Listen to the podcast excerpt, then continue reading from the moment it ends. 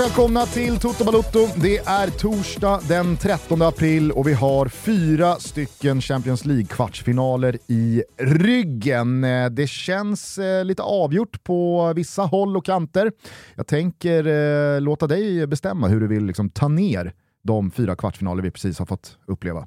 Ja, men, det har varit så jävla känslosamt tycker jag. Eh, Det är inte alltid det är det i Champions League. Ibland är det självklart. eh, Ibland så är det en 1-0 match, det händer inte speciellt mycket. Men jag tycker att just den här veckan av kvartsfinaler har varit mycket känslor. Och det pikade tycker jag igår när Milan mötte Napoli i ett på, förhör, ett på förhand eh, stekhett möte.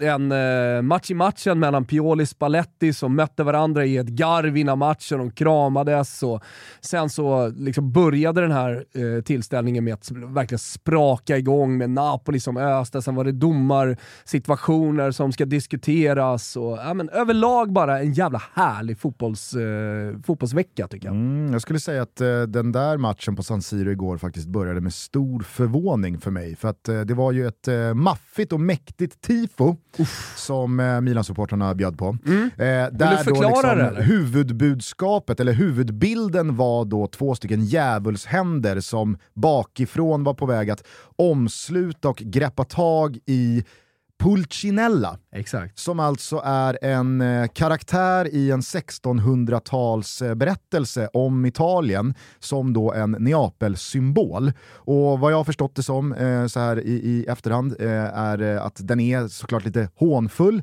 men att då Pulcinella har en svart mask identisk med den som Victor Osimhen har sprungit runt med i över ett år. Som Merret Ändå- hade igår. Ja, men ändå har det här inte nått mig förrän nu. Nej. Och det, det, det upprör mig. Ja, men jag, satt, jag gjorde ju eh, en sån här watch along-sändning med, med Svanemar, eh, och jag, jag var liksom inte med på tifot riktigt och kollade upp, men eh, då, då berättade han att det var Pulcinello. Det tycker jag på något sätt också beskriver den italienska fotbollen på ett helt fint sätt. Att man eh, går tillbaka till historien och hittar historiska referenser, men fortfarande moderna med att eh, Milan kallas för Il, Il Diavolo, Rossonero och eh, ja, men att, det, att det är djävulshänderna som ska liksom, ja, strypa ut. Det är väl det djäv- djävulshänderna ska göra. Strypa var- ut det var- det var det ut, Neapel-symbolen Pulcinella. Mm. Ja, men, jo, jo, absolut. Och, och det, var, det, var, det var ju jätteläckert och mäktigt och maffigt sådär. Men att ingen har berättat för mig på över ett år när Osimhen, som då symbolen för detta Napoli, har sprungit runt i en Pulcinella-mask. Att det har tagit så här lång tid. Ja, okej. Det kan väl omöjligt bara varit jag som liksom så här. Jaha, Folk har väl nog bara tänkt att det är en ball mask, Pulcinella säkert. Har en sån mask, Mm. Osimhen har en sån mask, Mm. men eh, ingen har liksom eh, ropat hej än kring det. Nej, det, det, det, det upprörde mig. Exakt, och nu, nu är ju eh, Pulcinella framförallt känd som eh, dockteater. Så man har pinnar och snören och, och, och sådär. Det, det, det är ju det man, man ser. En, Två man ser plus Pulcinella- bonusinfo, Nej, men så här, bonusinfon är ju att om du åker till eh, Venedig, då köper du en sån här mask eftersom Venedig känns för karnevalen. Mm. Om du åker till Florens, då ser du mycket Pinocchio, för Pinocchio utspelar sig i Toscana och närheten av Florens. Åker du till Neapel ser du mycket så här Pulcinella-dockor. så att det är kanske många som har lyssnat på det här som inte har tänkt så jävla mycket på varför har de en sån där jävla docka? Och så Mm. bryr de sig inte. Då fick ni se symbolen i, i fotboll. Men jag tycker, jag tycker att det symboliska, eller symboliska, det fina här är någonstans att eh, en kurva, vi pratade lite om det, så här, norra stå. Skulle, vad, skulle de ha för symbol då? Tillbaka i historien, kulturellt. Eh, If I speak, I'm in big trouble.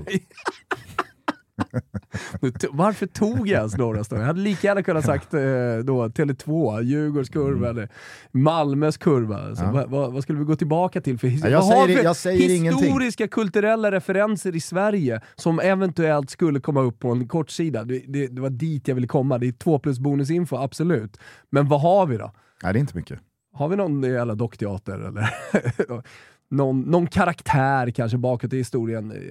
Så fort vi använder oss av historiska referenser, tänk dig typ Karl den XII, då blir det ju 30 november av alltihopa. Ja, verkligen. Kalmar skulle väl kunna köra någon slags här union, eh, liksom tifo om de skulle springa in i typ norskt motstånd i, eh, i sommar om det blir Europakval för dem. Ja, och, och Danmark, eller Danmark, Svalt- Skåne och Danmark. Svalt tifo. Ja, alltså ruskigt svagt. Kortsidan på Guldfågeln bjuder på ett Kalmar Unions. Jag vet inte hur kulturellt... eh, Svenskar och norrmän i, i armkrok, det är liksom tifot. Ja, vad, nej, historiens vingslag. Kalmar Unions. Jag har ett tifo till Malmö. Att de på något sätt skulle liksom då göra Skånekartan. Och sen så på Det ett körde väl i och för sig, eh, Malmö tog ju med sig ett eh, borta-tifo till Tele2 mot Djurgården för några år sedan, när det var Stockholms blodbad. Mm. Ja, där, superbra referens. Det var ju, det var ju liksom ingen jättekorre, Ändå. men det var, det var Stockholms Sankt blodbad. Erik och draken, skulle jag kunna ha någonting på en... eh, Det är, väl, På eh, ett inte, det, inte det lite Uppsala också? Ja, alltså det är väl, Gamla stan står ju Sankt Erik och draken och är väl någon slags koppling till, eh, till Stockholms blodbad också. Nej, Stockholms blodbad är väl eh, Christian Tyrann. Jo, men att det finns någon koppling. Ja, ja, hur som helst. Eh, Sankt Jag har för mig att eh, alltså, eh, är in, alltså, i domkyrkan i Uppsala Ja. så är det väl eh, eh, Sankt Erik och draken. Det, det, det är möjligt att vi liksom använder Sankt Erik och draken på flera olika platser, men det står ju staty i Gamla stan. Det har ju du gått med din bror. Han är för fan i Gamla stan guy. Ja, jag vet. Jag Ja. vet. Vi behöver ringa upp Men Isak är, för vad att är, vad är det, alltså, vem är det som ligger i Uppsalas domkyrka? Nej, men det är väl eh, alla möjliga. Nej, det är någon. Det är någon det, jävel. Det är någon med lite extra tyngd.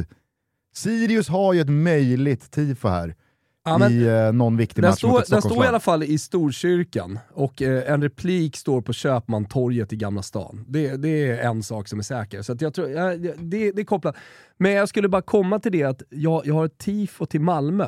Att man på något sätt då gör Skånes landskap och sen så längst ner, på något jävla 3D-sätt, skapar man en vallgrav. Och, som då symbol- och sen gubbar då som, som gräver. Så att här, vi gräver oss fria från resten av Sverige eftersom det brukar då vara eh, skämtet från eh, ja, Stockholm och Göteborg och övriga Sverige. Att vi ska gräva bort Skåne. Att Ja, de just det. själva tar det till sig och sen skapar det. Ja. Men det kanske, är, det kanske är svårt att, att göra, jag vet inte. Är Gustav Vasa ligger i eh, domkyrkan Ja. i Uppsala. Ja. Men då Får man väl ändå säga är lite extra tyngd. Ja, det är det. Eh, Helt klart. Johan den tredje. Johan den tredje! Gustav den tredje hängde på rummet hemma hos kamrat McPappen. nej, men, nej, det är, ju Gustav den Jag tredje. vet, Ja. men det, det, vad tänker jag på när du säger Johan den tredje? Gustav Fred- den femte är det. Fredspristagaren Nathan Söderblom. Nu, Ja, är, nu är vi nere nu- på nej, det- bottenskrapet. Nu, nu håller du på att hjälpa Sirius här, men Sirius hade ju faktiskt den enda kulturella referensen kanske vi har sett i Sverige när de hade Pelle Svanslös eh, tifot här Just det. senast. Just det. Vilket jag tycker är en otrolig korv. Det är enda vi har ju.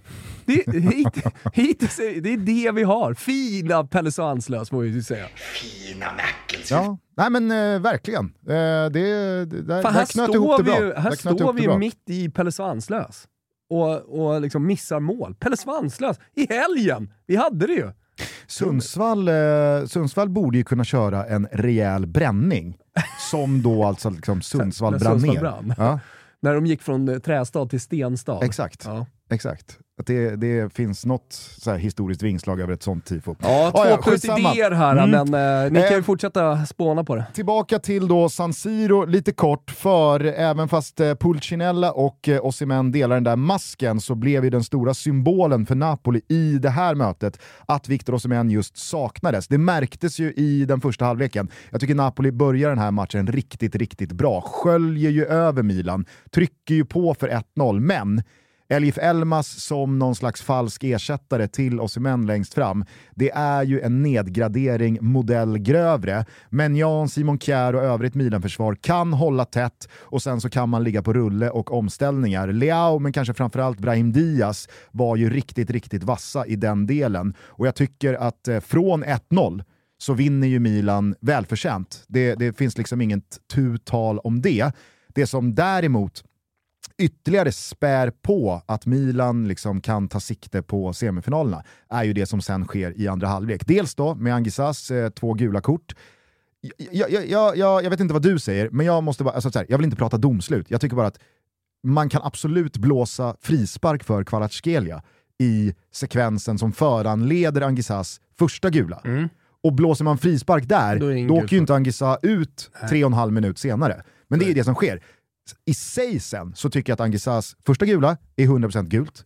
Och de som säger att det inte är gult kort på Angisas ben eh, över Så när Theo. jag såg det live så tyckte jag inte att det var det. Jag tycker att Theo Hernandez går ner jävligt enkelt. eh, Så, och sen kommer repriserna och då kan man ju såklart få det till gult. Som en isolerad händelse så är det ju 100% gult Jo, men kort. du kan ha lite Sen så- feeling Ja, som men, trä- eh, åh, domare. Är det någon som förespråkar Exakt, att tack. domare är människor och att man liksom kanske faktiskt ibland får ta med i beaktning att Jag tar bort honom i ytterligare en. Champions League-kvart. Ja, och han fick nyss gult, kanske skulle Napoli haft en frispark några sekunder tidigare. Noll det feeling. är hårt här att dra upp ett till gult kort. Så att det är väl klart att man kan resonera eh, kring det, men som isolerad sekvens så tycker jag absolut att det är gult kort. Så att det, det, det, är svårt att liksom ropa domarskandal eller att man ska överklaga och få igenom att häva den där avstängningen.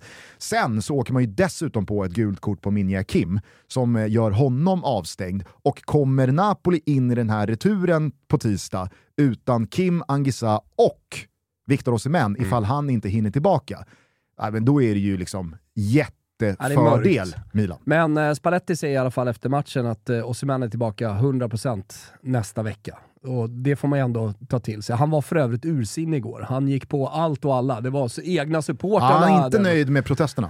Nej, han är inte alls nöjd och han menar på att det Får han, se, påverkat. får han uppleva det där på tisdag, då går han hem. Då, ska bara han lämnar han eh, Ja. sidlinjen. Ja, för att de behöver ju, och jag förstår honom, eh, att det har kommit hit på säsongen. Man ska knyta upp säcken i ligan, man är i en kvartsfinal, man har faktiskt helt okej läge nu inför returen på Maradona och man har ju sett Napoli göra helt sjuka prestationer där, Liverpool hemma, men det finns andra matcher Juventus också, ja, Juventus, ja, det finns många som helst. Jag tycker också att man inleder i det tempot med den energin också borta mot Milan igår. Ja. Första gången sedan innan landslagsuppehållet jag såg Napoli vara så bra som man, som man inledde.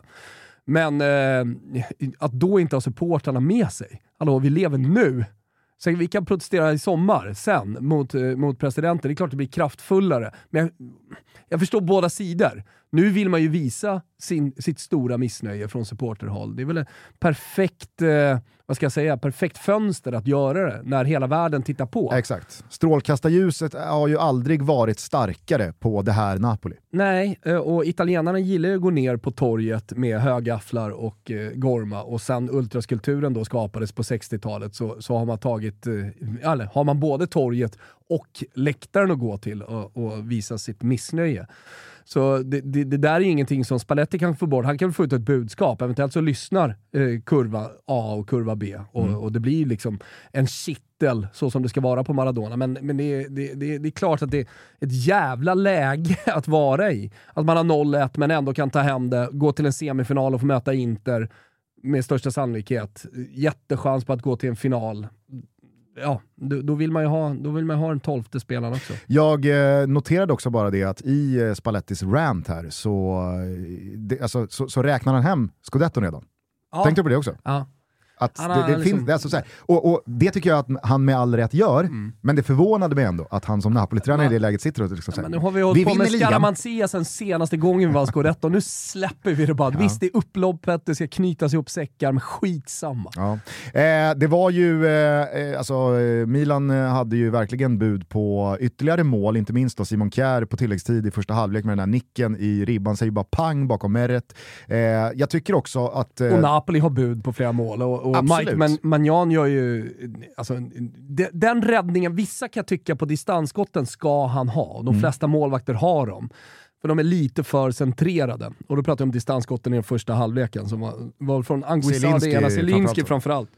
Men räddningen han gör precis i slutskedet av matchen, när han får upp en hand alltså i typ krysset. ja. Det, det, det är Politano som skjuter va?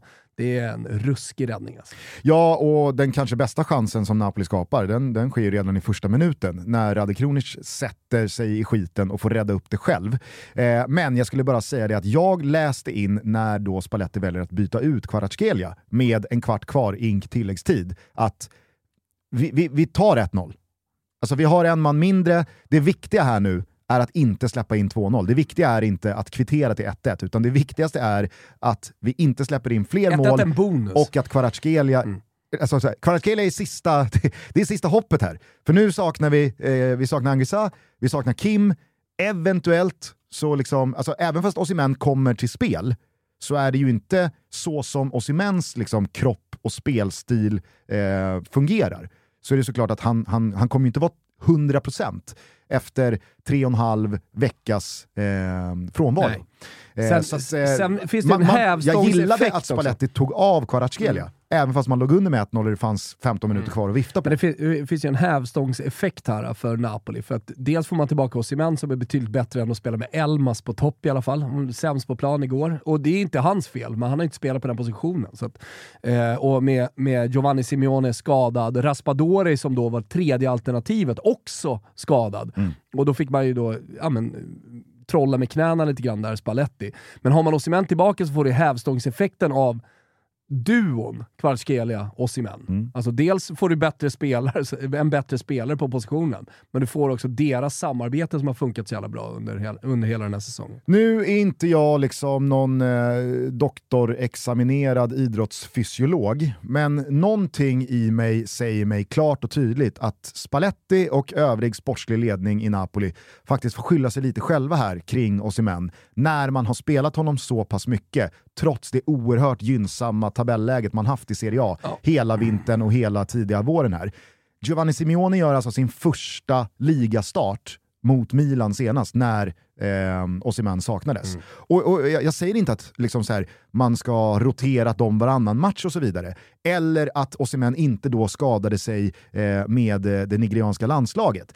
Men hade han haft 500 mindre minuter i benen de här senaste fyra månaderna, ja, då kanske inte den där muskelskadan hade kommit. Nej. Och jag hade förstått att han hade spelat så här mycket mm. ifall Napoli går för titeln och man har tre, fyra, kanske fem poäng ner till närmast jagande lag. Mm. Men nu har man faktiskt haft 12, 15, 16, 18 poäng ner till lagen där bakom.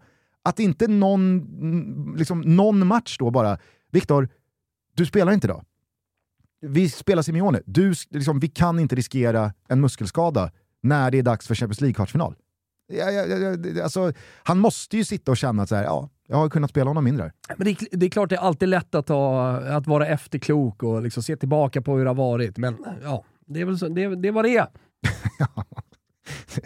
Easy way out, det är vad det är. Eh, en, jo, en sak allt, som... Eh, allt form av så här, ja, det går att ha gjort så, det går att ha gjort så, men samtidigt befinner man sig där man befinner sig.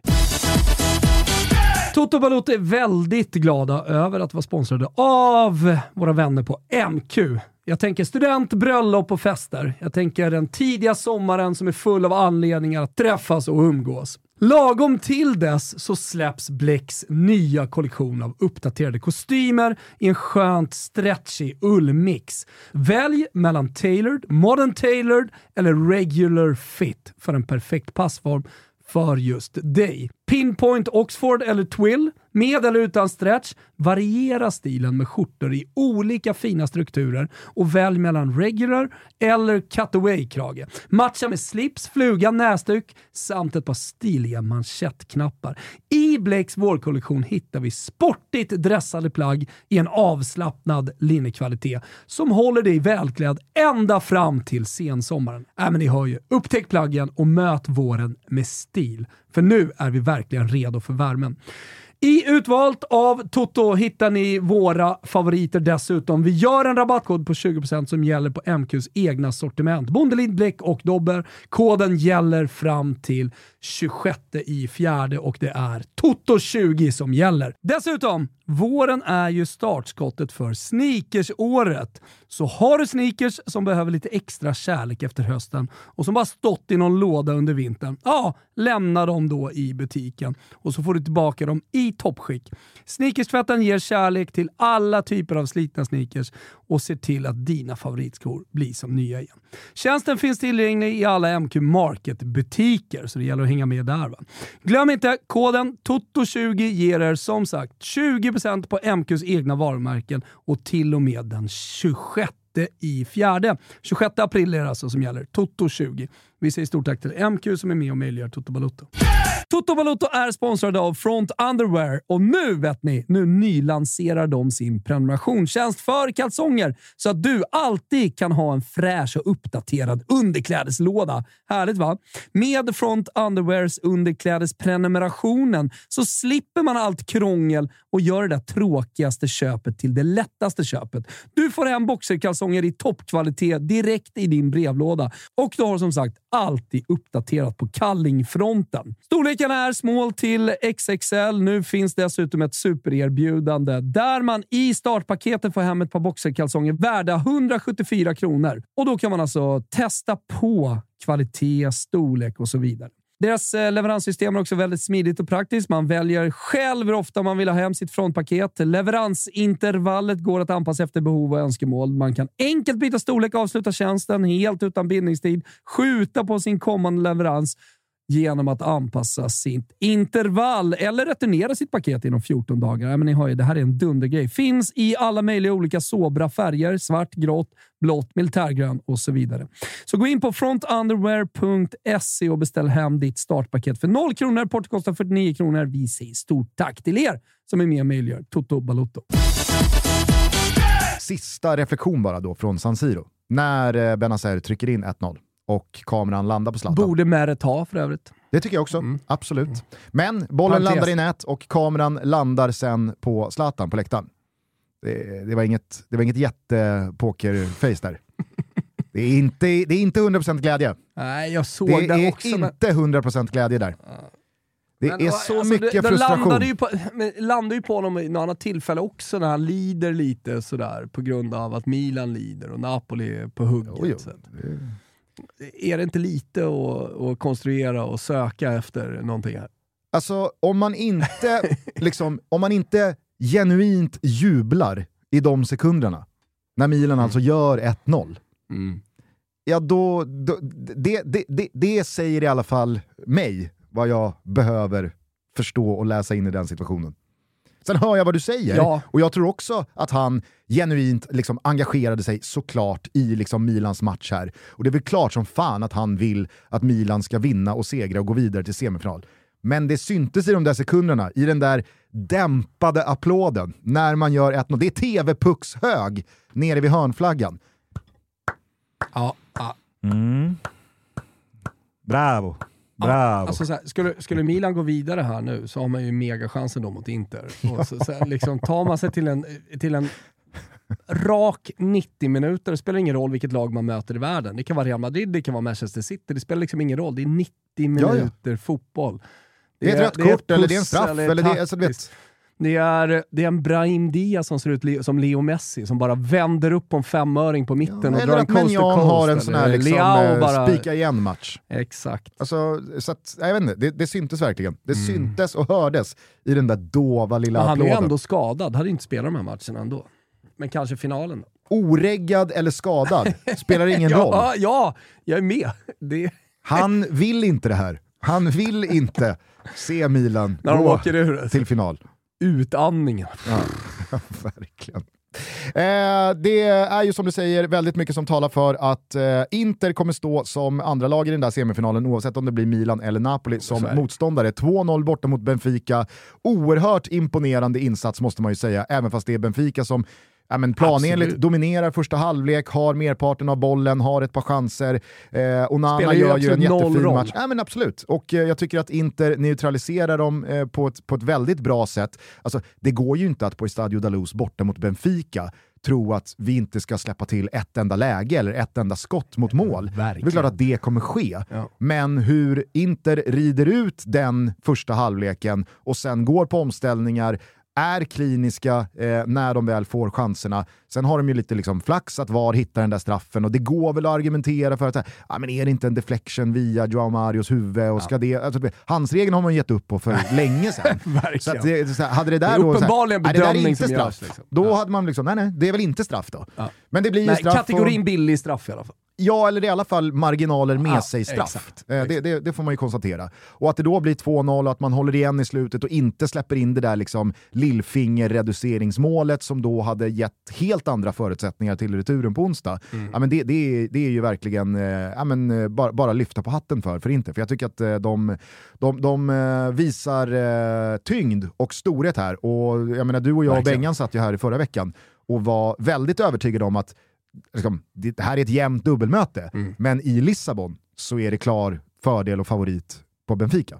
Nej men eh, eh, absolut. Och det var ju, det, men, men precis innan matchstart så klickade jag faktiskt i Inter Dronebet till 1,90 för jag tyckte att det hade blivit för nerprisat på Benfica och att de hade blivit, det var för mycket hype på Benfica. Att jag kände att jag ville bara byta sida. Plus att det finns någonting i Inters prestationer på slutet. De har inte fått in bollen, men det har varit marginaler mot. Det är fan, liksom, e- all XG-logik talar ändå för att Inter snart ändå ska få, inte en catch-up-effekt, men någon slags i alla fall effekt på sitt spel. För så dåligt har det inte sett ut. Plus att man har släppt in väldigt lite mål också på slutet. Ja, ja Så, verkligen. så här, problemet har ju varit att man inte har Man satt dit bollarna, boll men kolla hela Champions League-säsongen. Exakt, och, men, men jag menar, eh, Lukakos missar.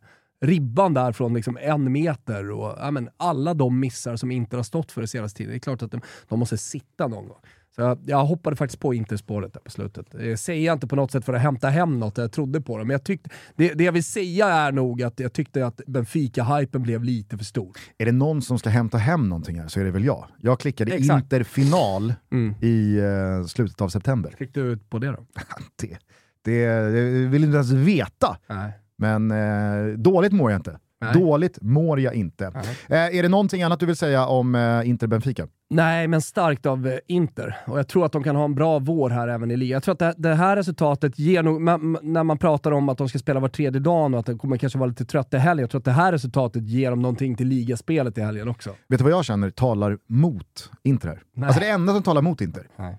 det är att liksom resultatet blev lite för bra. Att det, det, det, det finns liksom en air här av att alla tror att det här är avgjort. Mm. Att man bara på 90 minuter har omvärderat Benfica helt plötsligt. Alltså herregud vad man kan se Benfica ta ledningen på San Siro nästa vecka. Och då är det ett mål. Jag menar, så dåliga som Inter har varit i många matcher under den här våren. Alltså, jag, jag, jag, eh, jag, jag är helt och fullt övertygad om att Inter på väldigt många sätt och vis löser det här. Men jag tror att det, det kan liksom vara ett misstag ifall för många känner att det här, det här är liksom mer eller mindre klart. Mm. Det behövs en riktigt bra Nej, men jag, prestation jag, till. jag, jag hör ju vad du säger. Det här, det här är ju ett bra resultat efter en rad jävligt dåliga resultat. Mm. Så här, vad, vad talar för att man ska få ytterligare ett bra resultat? Och vice versa för Benfica. Och så vidare. Ja, precis. Exakt. Så det är klart ingenting är över. Eller en sak är faktiskt över. Det är Real Madrid mot Chelsea, det var över på förhand. Verkligen. Där är det stängt. Mm. Mm. Ja, Ja, det är- men du tar dem till, till Stamford Bridge och då är liksom hemmamatch och den egna publiken i ryggen. Jada, jada, jada. Nej, det är över. Chelseas säsong är över. Man börjar ju bocka av dem nu, tänk på det Gusten. Säsonger som är över. Mm. Verkligen. Den, den, den. Chelsea nu. Barsas är över. Barsas. Även fast det, alltså så här, de Ja. kommer ju få fira en ligatitel vad det lider, men det finns ingenting kvar att Vad spelar de 0-0 göra. i liksom. måndags? Ja, ja. Mm. det, Det Så utcheckat. det, det var en av de mest utcheckade matcher man någonsin vilat ögonen på, måste jag säga. Barca-Girona, 0-0 en måndagkväll. Med 15 pinnar Nej, ner alltså, till du, Real. du kan ta in uh, världshistoriens jävla motivational speaker. Det, det, det hjälper inte. Nej. Nej, men jag håller med dig, det är väl klart att Chelseas säsong är stendöd för att det finns inte en chans i Hades att eh, man gör match av det här på Stamford Bridge på tisdag. Eh, det är ju ett Real Madrid som eh, från 1-0 kontrollerat, vinner med två. Eh, visst bjuder man på det där friläget efter en och en halv minut eh, för eh, Joao Felix och det finns en jättechans för Raheem Sterling direkt efter 1-0. Men över 93 minuter så är det ju närmre en tremålsledning för Real Verkligen. än eh, uddamålsseger. Och jag tycker inte det finns någonting att snacka om eh, i röda kortet på Ben Chilwell. Jag utgår från att Koulibaly eh, muskelskadar bort sig här från returen. Kanté tillbaka, stor skillnad absolut, men när Kanté, Kovacic och Enzo Fernandes mittfältet ändå ser så underlägsna ut mot Federico Valverde, Toni Kroos och Luka Modric, ja då, alltså så här, då finns det heller inget S i skjortärmen kvar Nej. för Chelsea att spela ut. Eh, och nu är det Chelsea som måste framåt. De måste göra två mål. Vinicius Junior och Rodrigo och Benzema, de kommer ju bara liksom kommer bara garva åt ytorna som kommer bjudas på nästa men, vecka. nej, du såg ju Vinicius Junior i den här matchen bara. Alltså, vi, jag tycker det var två spelare igår som var helt otroliga att bara titta på. Dels Vinicius Junior och dels Leao. Så vi pratar om Brahim Diaz förarbete till eh, Milans 1-0 mål. Men alltså Leaos coast to coast, eh, hur han hela tiden utmanar, vilken jävla mardröm att, att ställas mot en Leao i form. För nu har han ju lagt de här senaste två månaderna, till, eh, två månaderna som har varit bakom sig, han har hittat tillbaka. Jag tror han har typ så här 5-10% till eh, att, att eh, liksom komma till en ytterligare formtopp då inför slutet, vilket är en, en, en, ett jävla, om vi ska prata om S i rockarmen som eh, Pioli kan spela ut. Eh, Men Vinicius Junior har ju också en sån match där han har sån otrolig lekstuga ute på Ja, vänsterkanten. igen får man ju säga. Ja, ja. För att eh, han har ju verkligen eh, gjort slarvsylta och narr av ganska så många erkända liksom, världsnamn på högerbackspositionerna. Igår var det Reece James, mot Liverpool var det Trent Alexander-Arnold, eh, han hade ju ganska kul mot Barcelona i Copa del Rey-semin här senast. Alltså det, det är ju en Vinicius Junior som, när han spelar på den här nivån, då kan ju liksom inte ens de bästa i världen sätta någonting emot honom. Och det går till och med eh, så att när, när lag dubblar mot honom så tar han sig igenom ändå. Ja, det, det, Noterade du för övrigt eh, att eh, Paolo Maldini pratade om Leaos kontraktsförlängning i år? Nej, Han var för första gången ganska positiv. Och det, jag jag menar, om man, om man då försöker läsa någon slags spel här, så kan man ju tänka sig att han då var lite hård under januari-merkaton och att han inte ville prata om det alls direkt efter för han ville jobba på det. Men eh, när det kändes som att Leao kommer inte signa här och de ganska hårda orden från eh, Paolo Maldini under januari, eh, att det var för att sätta tryck liksom, på agenten och att man minsann är AC Milan, eh, en av världens bästa klubbar med alla titlar man har och att man inte viker sig för en spelare eller en agent. Men att han nu börjar prata positivt om det, det tar jag i alla fall som ett ärligt tecken på att det faktiskt går att lösa det här. Mm.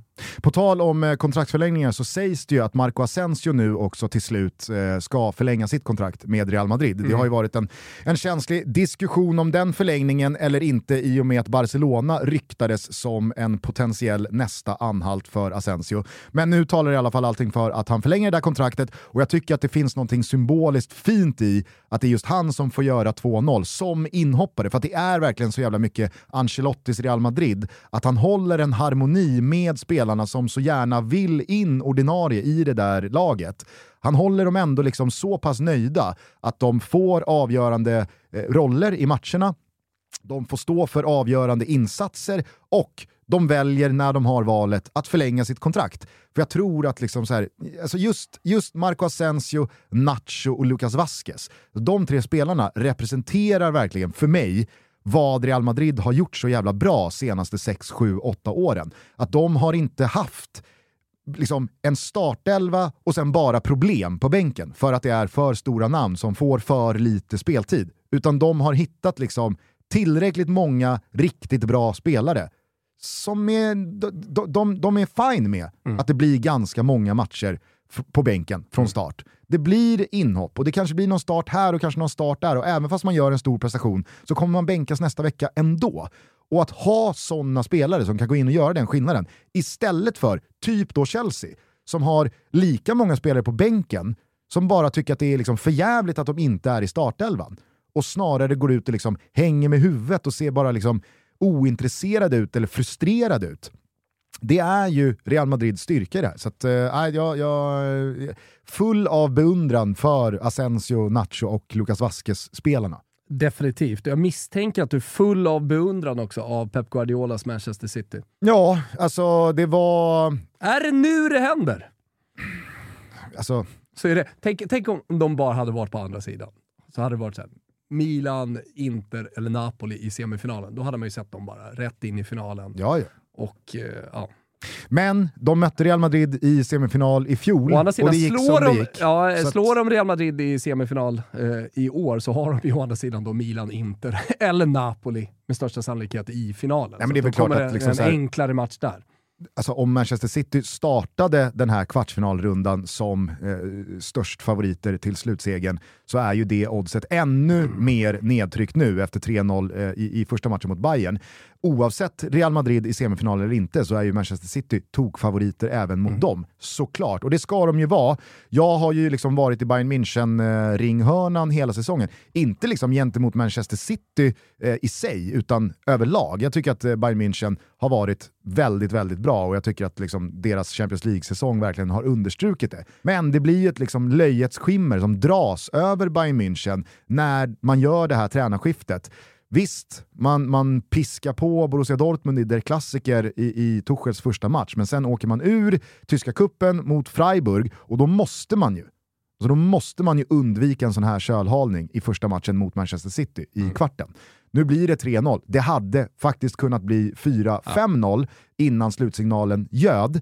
Eh, och alltså, det, det ser ju inte bra ut för Bayern München när man har gjort den tränarrockaden och det här blir eh, resultatet. Och Klart på tal om skadeglädjen. Alltså om Graham Potter nog var ganska nöjd där på Om Maldiverna. Zlatan nu satt och tyckte det var lite jobbigt. Ja, men det är det jag menar. Om Graham Potter var ganska nöjd på Maldiverna när han liksom såg Real Madrid besegra Chelsea med, med, med 2-0. Alltså, jag hade, jag, hade, jag, hade, jag hade pröjsat mycket för pay-per-view live-kameran på Nagelsmann vart nu han än befann sig när han följde den här matchen. För att eh, det, det, det, det, måste ha varit eh, primalskrik vid både ettan, tvåan och trean. Ja, nej, alltså, det är ju de tre gubbarna man tänker på kring liksom, känslor man inte kan vara med. Annorlunda. Alltså, nu är det alla supportrar, alla, alla kring lagen vill att de vill, vinner. Men det är de tre man tänker på. Alltså om man liksom går, går utanför det sportsliga, det som har hänt på planen. Graham Potter som sitter solbränd, hade gärna sett... eh, Är han solbränd? ja, han är ju illröd. han sitter med någon slags keps. Och, Bränd kan Bränd jag- och kan jag jävlig. sträcka mig till. Ja, men det är väl det solbränd är. Annars är det ju tanned, det är en annan sak. solbränd, alltså på svenska, innefattar väl ändå någon Ja. slags här brun kulör. Ja, det kanske gör. Det kanske är jag som har liksom gjort om. Ja, ja. Han är i alla fall han är bränd av solen. Ja, Ja, då förstår du vad jag menar. ja, jag förstår. Han är skär. Zlatan, han är i vånda. Ja, Han tycker, han tycker bara livet är, Det är jobbigt. ångest. Det är ångest. ja. Vet du vad som är ännu mer Svårt ångest? att Alltså, så här- sova på kvällarna. ja, men han, han går ju hem till sina rullskridskor. han, exakt, han går hem till sina rullskridskor. Han går hem till Försöker- sina försöker- rullskridskor Försöker vara och liksom ta ett varv i, i vardagsrummet. Alla, det handlar inte längre om dig gubben. Och sen eh, då Nagelsmann, han sitter ju bara i, i, i, någon, i, i- ett, eh, i ett sus, dus höll jag på att säga. Han, han, han, han, han festar väl varje Onani. dag. Onanena, onanerar och festar varje dag. Det är droger och, och alkohol och, och det är full jävla kareta. Det är skogsrave och det är barer och det är full fart. Det är som två veckors fest efter den här matchen. Ja. Ja, jag, kanske, jag kanske inte skulle sträcka mig så långt, men... Eh, Inte långt borta. eh, Alltså, det, det, det var ju eh, närmre erektion under andra halvlek tror jag, hos Julian Nagelsmann, än någonting annat. Nej, men det var ståpitt och, och så, garanterat. Ja. Det ska ju dock sägas att alltså, Bayern München har dit. ju, eh, de har ju verkligen lägen i den här matchen. Alltså Ruben Dias block på, det är väl Musialas skott tror jag, eh, precis innan Rodri lossar vänsterbössan Mm. och gör 1-0. Alltså 1-0 till Bayern München i det läget, ja då är det väl klart att vi har en helt annan match. Jag tycker också att Bayern München kommer ut i den andra halvleken, när det verkligen svänger åt båda hållen. Där kan ju Bayern München lika gärna kvittera som eh, Manchester City gå iväg till 2-0. Absolut. Men det finns från- alltid situationer i matchen, det är sällan i en kvartsfinal i Champions League, där, där, där liksom bara är enkelriktat åt ett håll. Mm, absolut, men det stora momentumskiftet det sker ju i den här röriga jävla situationen när Jan Sommer och Upamecano inte kommer överens om vem som ska ta bollen och de får rensa undan den i panik och den kommer tillbaka in i straffområdet och de får inte bort den igen och rensningen hamnar hos Haaland.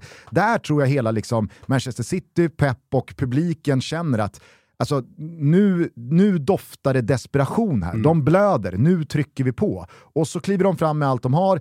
Upamecano reduceras ju helt plötsligt till alltså det, det, det, det är division 2 södra Svealand-nivå helt plötsligt på Upamecano. Han har ju inte rätt sista halvtimmen. Tycker du är hård mot division 2 södra Svealand?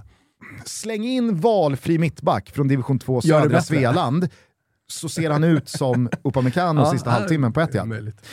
Sen var det väl själva fan då att han hade gjort en ganska bra första halvlek och jag frågar Siavush Falai i studion, pratar vi för lite om Upamecano som en av de bästa mittbackarna? Jag tycker väl att det är en rimlig fråga att ställa. Ja, det är, det är Sia som gör bort sig när han då säger ja. ja vi pratar ledande, för lite om Upamecano. Lite, lite ledande, ja. nästan lite retorisk är det ju. Det är väl klart, jag ja. försöker ju bara liksom skydda mig själv här. Men det som är liksom anmärkningsvärt det är att kommentator Adam Pintorp, alltså Upamecano är ju Han så... Han eller? Nej men Upamecano är ju så dålig i andra halvlek att till och med Pintorp live i kommenteringen liksom häver ur sig. Ja, undrar om studion kommer prata mer om uh, Upamecano som en av de bästa mittbackarna. Alltså, han vräker på. Han var så, alltså det är exakt, han var så dålig att Pintorp kände att jag måste trycka, jag måste trycka in den här kniven i uh, Gugges studiorigg. Vet du hur svenska folket tar det? De ser och de hör vad Sia säger och sen så, oavsett det där misstaget så omfamnar de ju bara Upamecano. Är folkets man Sia. Det han säger, det är lag. Alltså orden lag. Ja, jo, fast jag fick ju reda upp det där sen och då sa jag direkt efter, pratar vi för mycket om Upamecano som en av de bästa mittbackarna? Då sa jag ja det gör vi.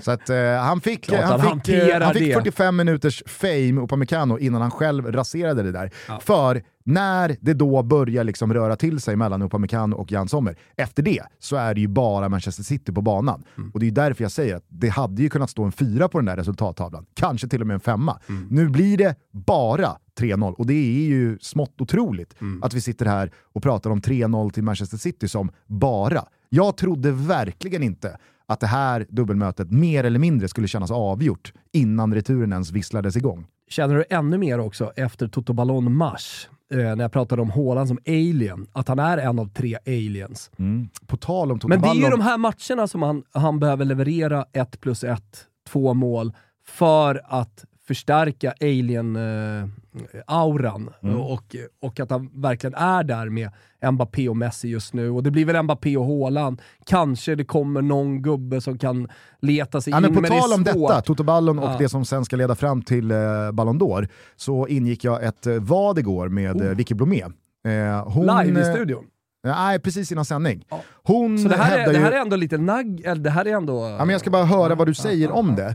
Eh, för Siavush Falai hakade ju då på liksom Vickys snack och sen senare under kvällen så såg jag att Martin Åslund också tog samma position. Eh, Vicky menar då att ja, men, eh, Vinicius Junior kommer vinna Ballon d'Or.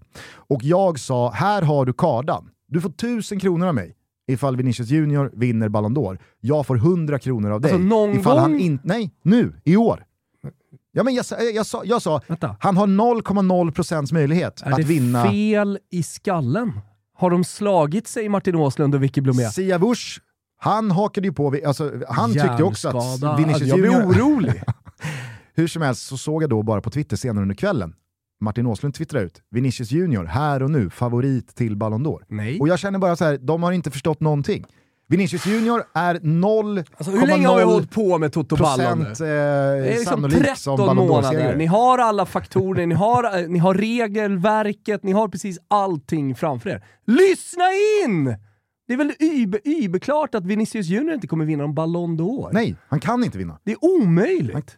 Och, och, och, alltså, det är större chans att Benzema vinner Ballon d'Or ja. än att Vinicius Junior vinner Ballon d'Or. Det är det jag säger. Jag försökte förklara det för Vicky. Att så här, den enda Men hon lyssnar ju på Toto!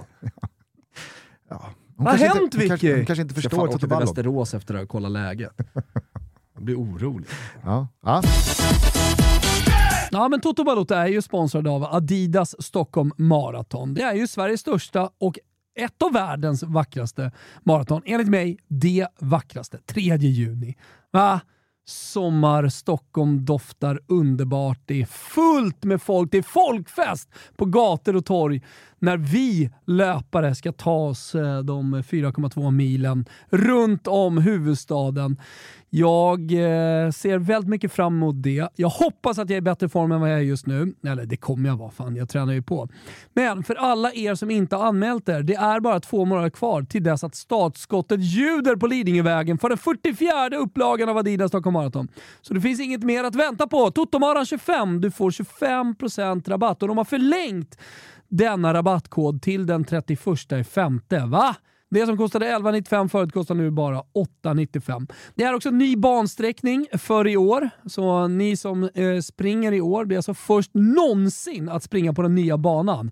Så inte nog med att ni kan skryta om att ni har sprungit ett maraton, ni kan också skryta om att ni var först med att springa nya banan. det är bra surr att plocka fram i kaffeautomaten. Till alla er som vill vara med oss hela vägen så kommer vi ha en samlingsplats inför loppet på Östermalms IP för er som ska springa. Där samlas vi, taggar igång inför loppet och till er som inte ska springa men vill följa med era polare så kommer såklart vi i Toto Balotto att ha en cheer zone och den kommer såklart eh, ligga på en adress som jag har valt nämligen på Strandvägen. Ja, där trivs jag. Där kan man alltså samlas och heja fram oss löpare. Så för sista gången här nu, nu tar vi Totomaran hela vägen in i kaklet! Häng på mig! Och så får vi se om Kimpa också kommer då, till den 3 juni. Totomaran25 är rabattkoden. Stockholmmaraton.se är det som gäller. Haka på! Toto Balotto är sponsrade av Tre och det är såklart ingen slump eh, när våren verkligen står för dörren. För vissa är den redan här, men för andra så är den fortfarande några veckor bort. Ja, men om man är uppe i Luleå, ja, men då kanske det är lite kallare. Är man eh, nere i Skåne, ja då är det lite varmare. Det är ju så det här landet funkar. va. Våren är jäkligt trevliga tider. Jag tänker på att man precis har köpt nya fotbollsskor eller ens barn har precis fått nya fotbollsskor. De sätter på de där boxfresh-skorna med eh, artificiella gräsdobbar, eller om man bor i södra delen av landet, med riktiga dobbar. Sen kanske då solen har värmt upp gräsmattan, oavsett om det är konstgräs eller inte. Och sen så tar man sina första kliv ut tillsammans med laget, ställer sig i en ring, ropar sitt lags namn och så går man ut och spelar sin seriepremiär och torskar. Eller vinner! Vem vet? Hörni, vad som dock inte är säsongsbaserat eller vår eller sommar eller höst. Vad det gäller tre sida så är det ju deras strävan att alltid ta fram så flexibla tjänster som möjligt. Och då pratar vi utan bindningstider och sen så ge ett så bra bemötande som möjligt. Det är en strävan som de verkligen går i bräschen för och det gillar vi i Toto Balutto. Vill du hitta en mobil eller surflösning som gör din vår lite extra trevlig? Kika förbi 3.se. Vi säger stort tack för att ni är med i Toto Balutto. Eh, det var i alla fall en jävla eh, insats av eh, både Manchester City men också såklart Erling Haaland som gör 1 plus 1, drygar ut ledningen i eh, skytteligan och ett Manchester City som mer eller mindre då redan nu avancerar till semifinalspelet. Hur reagerar du på uppgifterna att Sadio Mané ska ha lappat på Leroy Sané i eh, ansiktet eh, i omklädningsrummet eh, efteråt? Men på ett sätt väntat att den stora ledaren i det här laget, han med mest erfarenhet kliver fram och, och visar, ger en örfil. Mm. Väcker igång spelarna. Det här funkar inte. Jag, jag, Men jag, lappat på hur mycket våld har använts här? Nej, enligt, enligt vad man har förstått i, i rapporterna så ska det varit liksom så här, slag i ansiktet. Har vi sett några bilder på Nej, Leroy Sané? det har jag inte Nej. gjort. Nej, innan jag ser några bilder så vill jag ändå tro att det är någon mm. örfil som har, som jag, har Jag tänker också, eller jag det, tänkte i alla fall direkt. tycker att han är lite snorunge Leroy Sané också. Jag tycker inte att man ska bruka våld, absolut inte. Men en, en, en, en tillsägelse, definitivt. Ja, Om man har hållit på och varit snorungig. Nej, men, och jag menar liksom så här, i, i, i svallvågorna eh, efter eh, Blåvitts och kanske framförallt AIKs tafatta inledningar på respektive allsvensk säsong så har man ju noterat hur många supportrar som efterlyser att någon bara liksom visar någon typ av... Ja, jag, jag, jag, jag, jag, tassar, jag tassar runt utvisningsbåset här. Jag säger bara att konsensus har ju rått liksom, kring de här klubbarna att det är ingen som visar någon form av liksom, eh, glöd eller reaktion eller att någon bara liksom lackar ur och visar att det här betyder någonting för en. Så när jag nåddes av de här uppgifterna att det ska ha blivit liksom jidder i Bayerns omklädningsrum, min spontana känsla är väl att ja, men det, det är ett sundhetstecken. Att de bryr sig, att liksom, så här, det här rör upp känslor, att man blir förbannad och frustrerad. Men det verkar ju på riktigt i liksom rapporterna efteråt hur det här har spelat ut sig själv som att Sadio Mané, han har liksom exkluderat sig ganska så rejält från gruppen och att han eh, nog kanske inte gör så mycket eh, mer i detta Bayern. Eh, vi får väl se vad, vad, vad det blir av det. Ja. Men eh, alltså den liksom etablerade Effekt, helylle har i alla fall uh, uteblivit. Ja. Helylle-bilden är raserad. Kanske inte raserad, men uh, det, har liksom, det, har, det har börjat läggas andra saker i den andra vågskålen kring Sadio Mané. Uh, att han inte kanske är sådär superlätt att ha att göra med som lagkamrat i Bayern München. Nej, och då måste man ju se på hela Mané-situationen som liksom får det till ändå. Så, vad, vad, har det fått för sportslig effekt? Eh, vad har han gjort? Eh, hur, hur ses han av supportrarna? Och jag menar, om man gör en, en sån eh, vad ska jag säga, profilvärvning och en spelare som man tror liksom ska gå in och göra den stora skillnaden för Bayern München, då, ja, då, då blir man också dömd därefter. Då kommer fakturan ganska kraftigt. Mm. Eh, vad, vad, tänker du kring liksom hela tränarskiftet och Tuchel och att Bayern torskar med tre? Alltså, hur mycket härleder du den här kölhalningen och det här resultatet och mer eller mindre det redan klappade och klara uttåget till att man faktiskt gjorde sig av med Nagelsmann och tog in Thomas Tuchel. Alltså, en del ändå! Alltså en del vill jag ändå få det till, för att det var, det var fungerande under Nagelsmann, det fanns inga eh, stora sportsliga debacle under säsongen. Jag tyckte att det stundtals såg helt jävla sjukt bra ut under gruppspelsfasen. Jag har inte sett så mycket Bundesliga och visst, det kanske har varit lite resultat där som, man har, hack, som har hackat. Men det stora för Bayern München, precis som för PSG, precis som för Barca och eh, Real Madrid, kanske inte lika mycket då, men det, det, är ju att vinna, det är att vinna Champions League. Och det är liksom, nu har inte Bayern vunnit sen. Ja, de vann ju 2020.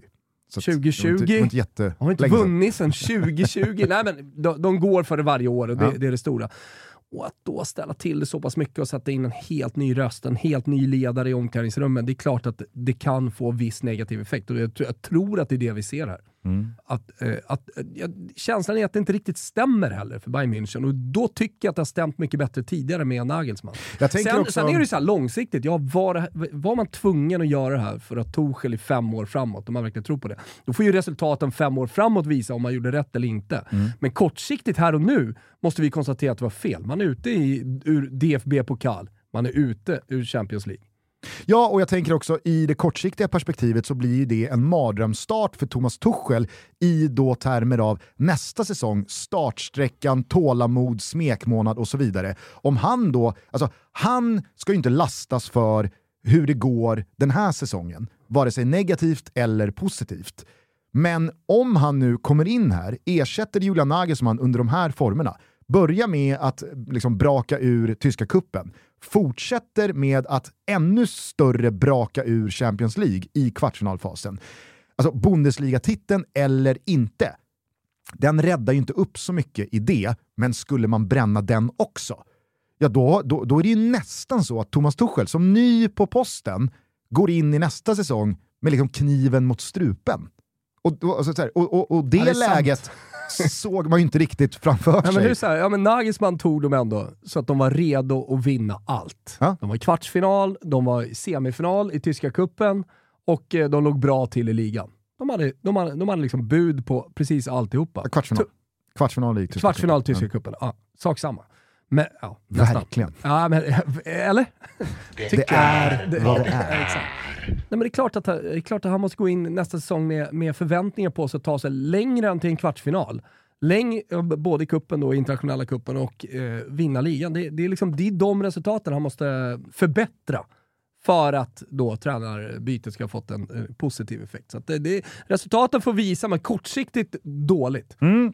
Det får bli eh, de sista orden kring det vi precis har upplevt här från Champions Leagues eh, första halvlek när det kommer till kvartsfinalrundan. Mer fotboll på lördag i eh, Simor. Det är fotbollslördag Europa precis som vanligt. Vi drar igång eh, 17.30. Vår eh, första match är eh, Napoli mot Hellas Verona. Svanen ska gästa studion Trevligt. Och eh, prata lite De Laurentiis, supportrarna, protesterna och så vidare. Senare under kvällen så blir det La Liga. Real Madrid. Låter trevligt. Men det blir det väl som alltid. Mm. Har ni inget eh, simor abonnemang skaffa det. För utöver La Liga och Serie A-bollen så får ni Champions League-fotbollen, men också all fotboll från Superettan och Allsvenskan via Discovery+. Otroligt. Helt otroligt. Det det. Eh, Vi har också en trippel i helgen. Det är snabbare.com som gäller och eh, trippeln lyder Peking vinner mot eh, Värnamo. Tror jag på en enkel seger efter att ha sett dem spela ut hela sitt jävla register och Sigurdsson. Alltså, vilken spelare. Nej, Peking, de blir starka i år. Tror jag i Allsvenskan när alla har tippat dem 8 och 9. Man vinner såklart mot Värnet hemma. Sen tror jag på Arsenal borta mot West Ham. Står någonstans mellan 1,60 och på, på rak seger. Ah, Arsenal ska knyta upp den här säcken också. De vinner den matchen. Och slutligen, City vinner med två mot Leicester. Frågor på det? Nej, jag tror inte det. Ni går in på snabbare.com och eh, tänk på att ni måste vara 18 år fyllda. Stödlinjen.se finns om man har problem med spel. Nu önskar vi alla en eh, trevlig torsdagskväll. Roma ska ta första nästa steg mot finalen i Europa League. Fio ska ta första nästa steg mot finalen i Conference League. Och sen så vill vi återigen understryka det faktum att vi från och med måndag finns Nästa exklusivt på Podme. Det finns möjligheter för er att lyssna gratis på Podme i 30 dagar om man går in på podme.com och använder kampanjkoden TOTO30. Då får man alltså 30 gratisdagar, man laddar ner podme appen och sen så är det bara att lyssna på Toto Balutto. Men från och med nästa avsnitt alltså så är det endast på Podme vi finns. Vi är jäkligt taggade på den här eh, flytten. Det kommer bli noll reklam och mer Toto. Jajamensan, och ni ska såklart ladda ner appen, men ni ska gå in på podme.com i er webbläsare och använda koden TOTO30 för att få de här 30 gratisdagarna. Gör det! Häng med oss till Podme. Det blir kul, det blir mer Toto, som Gusten säger, och noll reklam. Den här koden funkar fram till och med den 15 maj och den funkar bara för nya kunder. Med det sagt, ha en jäkla trevlig helg, ta hand om varandra så hörs vi på Podme från och med måndag. Jajamensan! Ciao tutti! Ciao tutti! Nitid nalkas, denna tid går mot sitt slut. Hela Stockholm ser mig krönas, kanoner skjuts ut.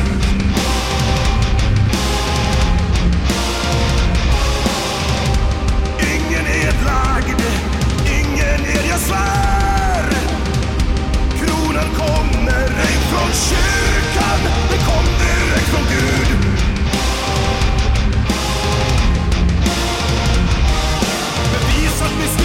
genom strid. Födda, regera, föra krig